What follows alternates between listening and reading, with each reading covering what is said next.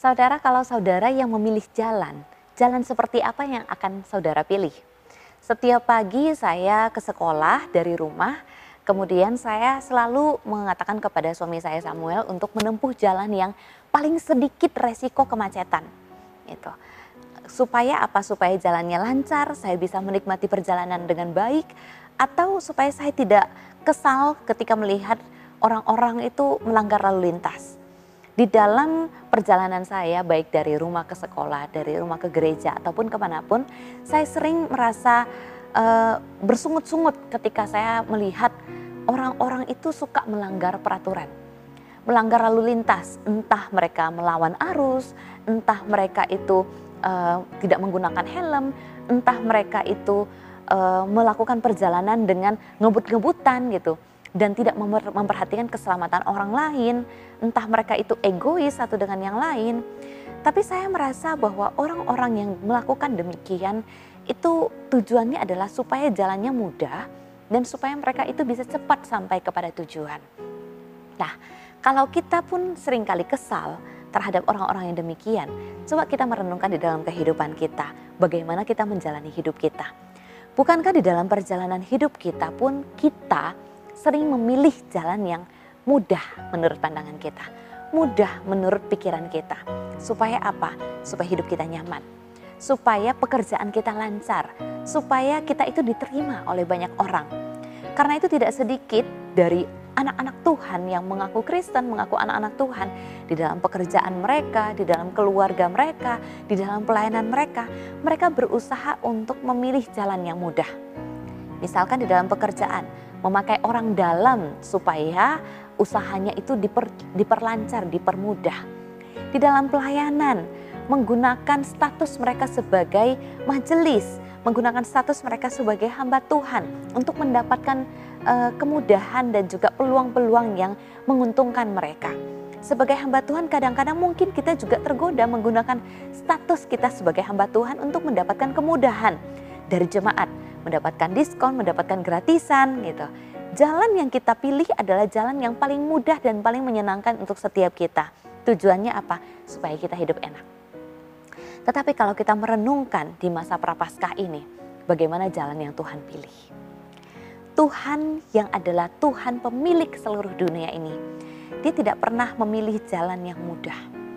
Sebaliknya, dia pasti memilih jalan yang benar. Tuhan tidak memilih jalan yang mudah. Firman Tuhan mengatakan bahwa Dia adalah Tuhan yang dalam rupa Allah tidak menganggap kesetaraannya dengan Allah itu sebagai milik yang harus dipertahankan. Dia tidak memilih jalan dengan status bahwa dia adalah Tuhan, dia adalah Allah, kemudian memilih untuk lahir di keluarga kerajaan, di istana yang megah, di tempat di mana dia akan disanjung-sanjung, di tempat di mana dia akan dimudahkan jalannya untuk mendatangkan keselamatan bagi manusia. Tidak.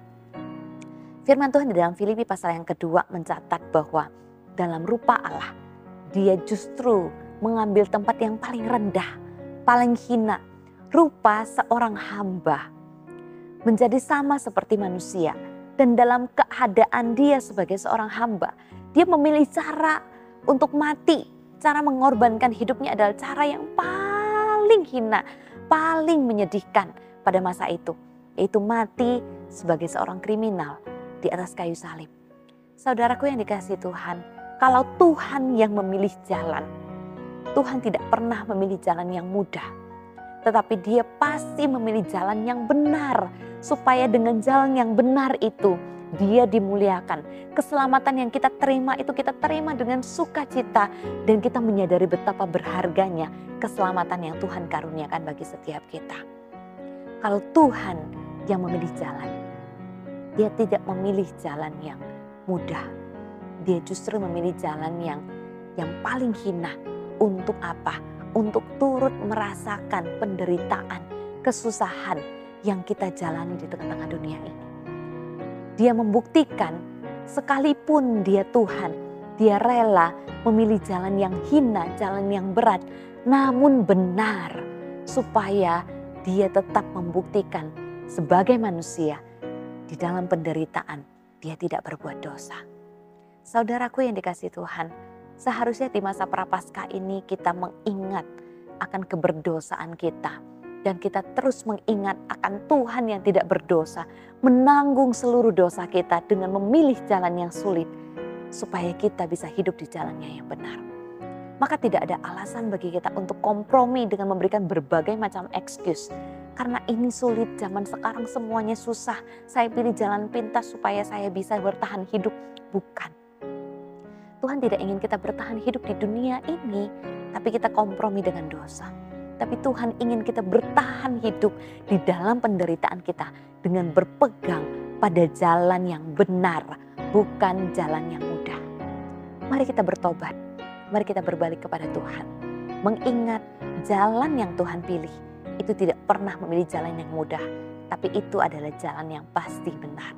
Maka mari dalam perjalanan iman kita, merefleksikan pengorbanan Kristus bagi kita. Pilihlah jalan yang benar, jangan pilih jalan yang mudah. Karena jalan yang benar itu pasti mendatangkan kesejahteraan di dalam hati kita, mendatangkan berkat dan mendatangkan kesaksian yang memuliakan Tuhan. Sebaliknya, jalan yang mudah cenderung menggoda kita untuk kompromi dengan dosa dan akhirnya kita mencemarkan kekudusan hidup kita sebagai orang-orang tebusan Allah. Kiranya Tuhan menolong setiap kita. Amin.